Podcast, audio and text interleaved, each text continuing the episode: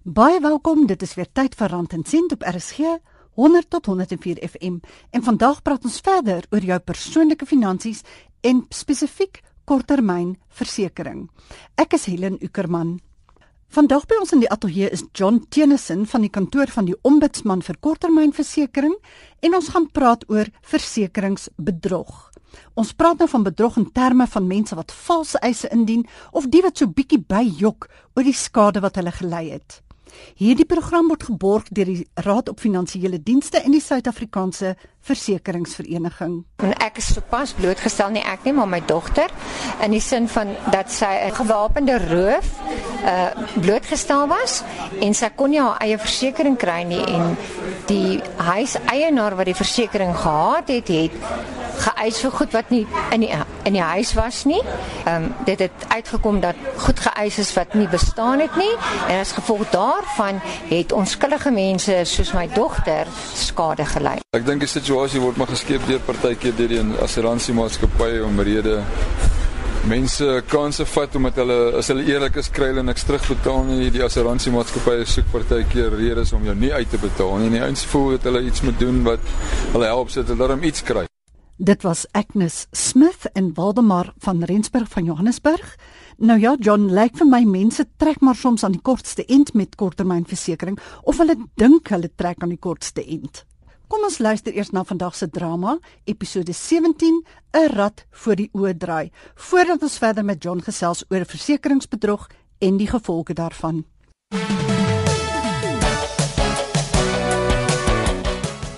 Finansiële Vryheid episode 17. 'n Rad voor die oë draai.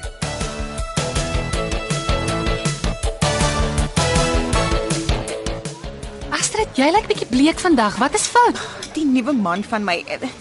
Ek dink hy's besig met bedrog. En, en ek praat nie van bedrog van my hart nie, regte bedrog soos 'n versekeringsbedrog. Versekeringsbedrog. Dit is 'n groot aantuiging om te maak. Ek is seker daarvan dit is net 'n misverstand of iets. Nee. Het dit met my eie oë gesien. Hoekom vertel jy nie vir ons die hele storie nie?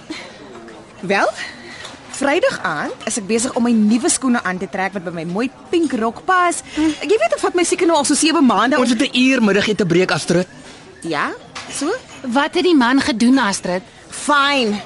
So toe kry ek 'n oproep van Aubrey wat sê hy sal my nie kan kom oplaai nie want sy kar is nou net gesteel voor sy vriend se huis. Ag nee, dis verskriklik. Ek tog die misdaad in die land raak minder.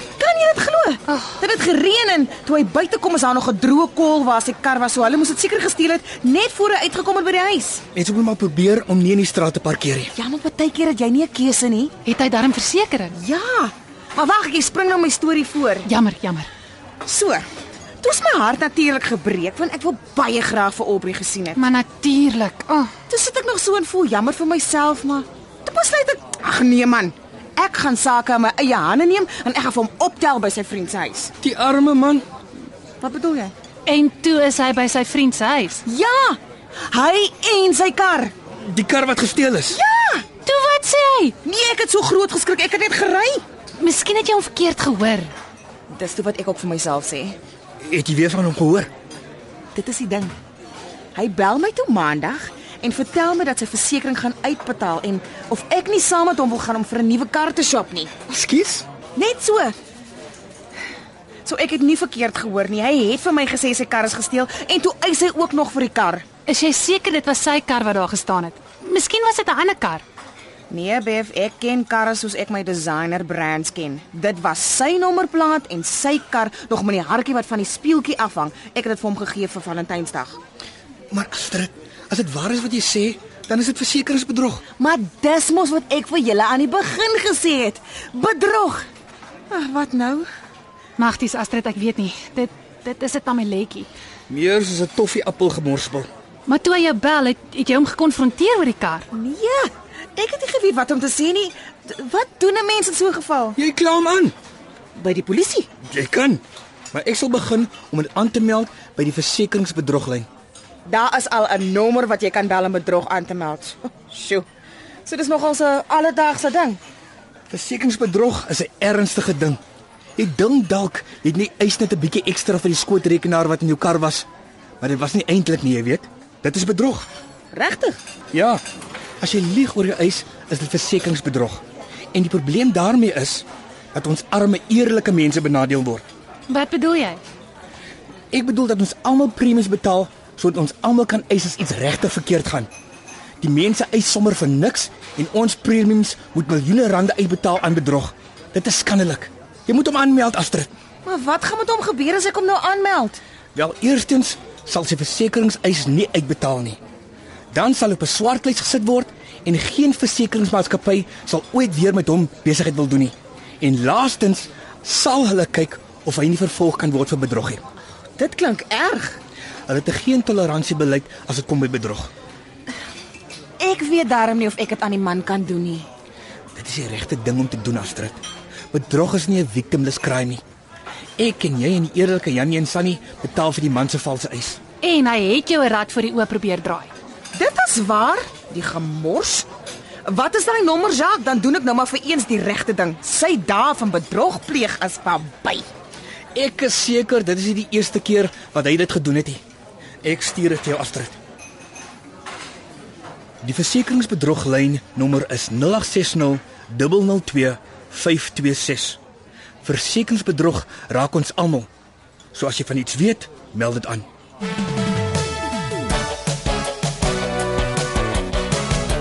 Finansiële vryheid is 'n verbruikersopvoedingsprojek en word aangebied deur die lede van SAIA.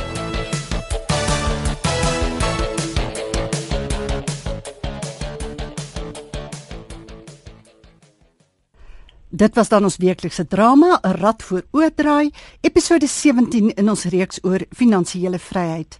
John, welkom terug by ons in die ateljee vanmiddag. Baie dankie, dis goed om terug te wees. John, hoe staan sake deesdae met versekeringsbedrog? Hoeveel eise is oor die afgelope jaar nie uitbetaal nie omdat mense bedrog gepleeg het deur byvoorbeeld te jok oor die skade wat hulle op die lyf geloop het? Dit is baie moeilik om te sê hoeveel eise presies afgewys is. Ehm um, juis omdat daar soveel verskillende assuransiemaatskappye is en ehm um, die data word nie altyd redelik beskikbaar gemaak aan die publiek of selfs ons kantore nie. Maar dit blyk dat ongeveer 15% van premie wat ingevorder word deur die versekeraars op hierdie stadium uitbetaal word op versekeringseise wat bedrieglik is. Hoeveel het dit die versekeringsbedryf gekos hierdie bedrieglike eise?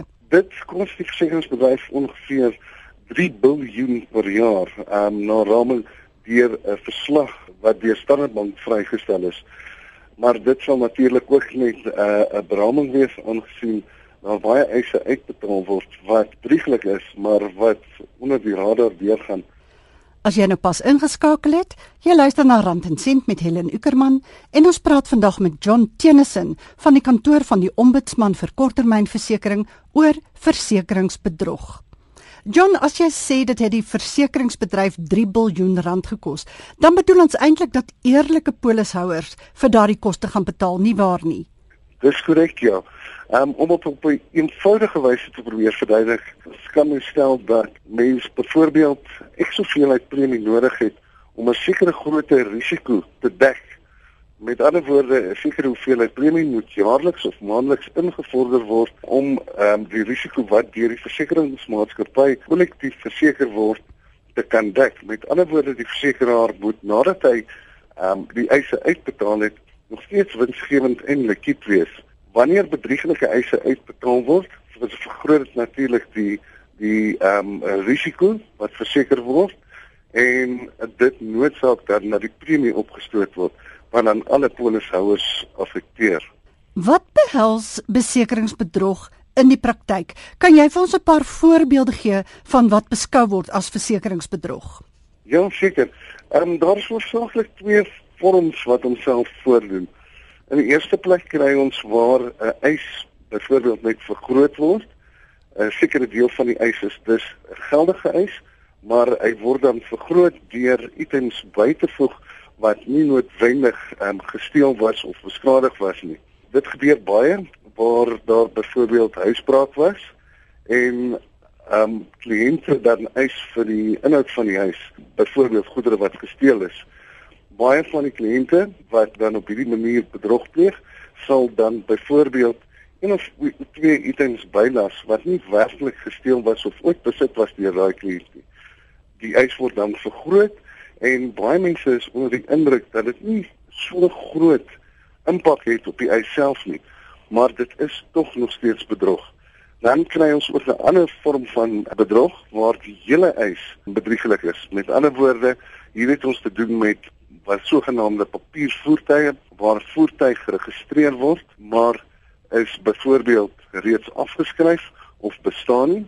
En sodra die voertuig of sogenaamde papiervoertuig dan verseker word deur die versekeraar, word daar 'n eis ingedien en daar word dan gemeld dat die voertuig gesteel is of heeltemal afgeskryf is. In so 'n geval is die hele eis bedrieglik. John, jy het nou gesê mense vergroot hulle eis. Met ander woorde hulle voeg dinge by wat hulle sê byvoorbeeld gesteel of beskadig is wat hulle nooit gehad het nie. Is dit waarvan jy Dis- praat? Dis korrek. Maar hoe is dit Ehm, moontlik want moet jy nie 'n lys gee van die ehm um, voorwerpe of bates wat jy wil verseker as jy 'n polis uitneem nie? Dit is korrek. Meeste versekeringspolisse vereis dat indien dit aangevra word deur die versekeraar, dat die versekerde dan bewys dat daardie item wel besit was deur die versekerde en dan ook die waarde van daai item moet bewys word. In baie gevalle weet die mense wat hierdie tipe bedrog pleeg dit nie. Basies word die item bygesit met met die denke dat dit sommer uitbetaal sal word deur die versekeraar. Die tipe mense loop hulle egter dan vas wanneer bewys van eienaarskap en kwantum aangevra word deur die versekeraar. John, wat gebeur met jou as jou versekeraar agterkom jy het 'n vals eis ingedien? Die gevolge van die versekeraar wat agterkom dat daar wel bedrog gepleeg is, is redelik verrykend. Meeste assurantiepolisse deesdae of sluit in 'n algehele ontberingsklausule. Nou dit wat beteken dat indien enige deel van die eis of bedrieglik is of dit is oneerlik, word die hele eis afgekeur.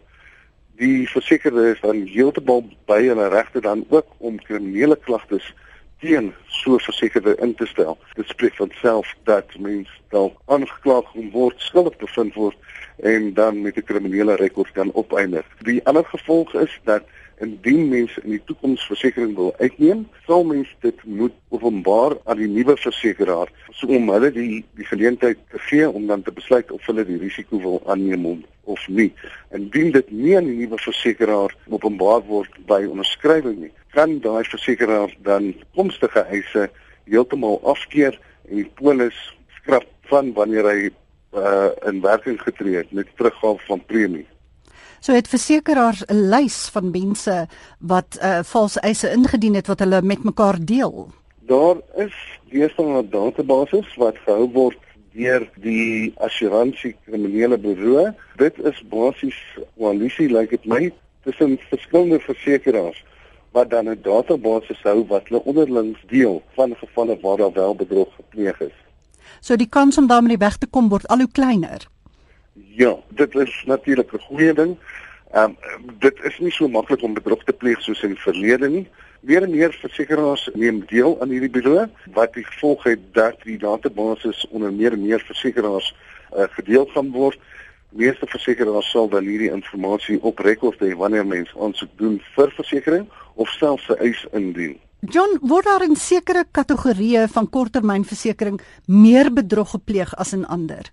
Dit is wel so, um, byvoorbeeld by huisinhoudeise. Baie mense is onder die indruk dat versekeraars noodsaaklik minder gaan uitbetaal as wat hulle eis. En vir daai rede sit hulle een of twee items by die eis om dan op te maak vir wat hulle dink hulle gaan tekortkom met um, die eis wat ingedien is by versekeraars.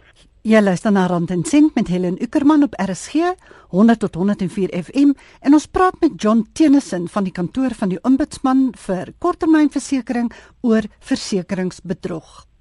Hoe lyk die bedryf se opsporingsmaatreëls en aanmeldingsprosesse John? Wat word gedoen om mense wat bedrog pleeg vas te trek? Is daar iets wat julle doen benewens hierdie lys, hierdie databasis wat opgestel word? Kyk, ehm um, daar is nie veel wat verder gedoen kan word behalwe dit nie. Ehm um, wat die versekeraars probeer doen is om die polis ehm um, so te skryf sodat die voorwaardes wat in die polis opgevat word juis daar is om bedrog te bekamp. Byvoorbeeld, ons het voorheen gepraat oor die bewyse wat nodig is wanneer mense eis indien van eienaarskap en dan kwantum. Dan is daar natuurlik die ons kantore ook wat die versekerings aanmoedig om enige gevalle van bedrog by die polisie aan te meld. As ek 'n eis indien, watter stappe volg die versekeraar dan om seker te maak dit is wel 'n geldige eis? Wel, basies afhangende van watter tipe eis dit is en natuurlik die grootte van die eis, sal die versekeraar dan 'n uh, ondersoeker aanstel wat hierdie eis dan noukeurig ondersoek om te beslis of dit 'n regte eis is of nie. En ehm um, gewoonlik word die mense dan so uitgevang paar jaar gelede is daar 'n bureau vir versekeringsbedrog, die ICB, gestig. Watter rol speel hulle in hierdie proses? Wel, basies werk hulle baie nou saam met SARS as ook die hoofs en die SLPS om versekeringsbedrog te bekamp. Hulle gebruik blykbaar van die beste en mees moderne tegnieke om hierdie mense vas te trek en um, hulle is dan proaktief in die najaag van bedrieglike eise en die bekamping daarvan. In ons drama wat ons nou nog gedaan geluister het, het ons gehoor hoe Astrid agtergekom het haar kerel gee voor sy karre gesteel. Wat moet 'n mens doen as jy sien iemand anders pleeg bedrog? Jy is as gevolg van die feit dat ander polishouers en moontlik jouself te nagekom word deur sulke bedrieglike eise. Dit word sterk aangeraai dat u die versekeraar in kennis stel. As u nie weet wie die versekeraar is nie, word dit dan aanbeveel dat die of dat dit aan die polisie geopenbaar word sodat hulle dit verder kan ondersoek. Jy luister na Rand en Sent op RSG en ons ateljee gas vandag is John Tennyson van die kantoor van die Ombudsman vir korttermynversekering en hy vertel vir ons meer oor versekeringsbedrog. As dit iemand naby jou is wat versekeringsbedrog pleeg, iemand vir wie jy lief is, wat moet jy dan doen? Dit is 'n moeilike geval. Ehm um, wat ek sou aanbeveel is dat mens dan hierdie persoon nader en ten minste aan hulle die die uh, gevolge van wat hulle doen probeer openbaar. Indien so 'n persoon dan voortgaan met so eis, is daar 'n plig op ons elkeen om misdaad te bekamp. Dit is dan wenslik dat die versekeraar genader word en in kennis gestel word. Want op die einde van die dag is dit nie net u wat benadeel gaan word deur so eis nie, of die ongerief kan hê van die wete van so 'n eis nie, maar die publiek as geheel en ander polishouers word ook daardeur benadeel en dat premie en vandag se ekonomie net hoër en hoër gaan gaan. John, wat van Osti? Die kantoor van die ombudsman. Het julle lekker wenke op julle webwerf oor wat 'n mens te doen staan en hoe jy versekeringseise korrek kan aanmeld? Dit is inderdaad waar. Um, ons het wenke wat ons ek dink op 'n maandelikse basis op die webwerf sit wat spesifiek op die die verbruiker gerig is om te help om eise in te stel as ook wenke wat mense attent maak op sekere dele van eise en wat benodig gaan word om 'n suksesvolle eis in te stel. Natuurlik probeer ons deur ons webwerf die gemeenskap 'n bietjie opvoed omdat versekerings nie altyd 'n maklike begrip is um, om te verstaan nie of 'n maklike veld is om te verstaan nie. Die publiek is welkom om na ons webwerf te gaan en te gaan kyk of dit behulpsaam kan wees in voordat hulle 'n polis uitneem en wanneer hulle eis. Wat is die webwerfadres van die ombudsman? Die webwerfadres is www.osti.co.za.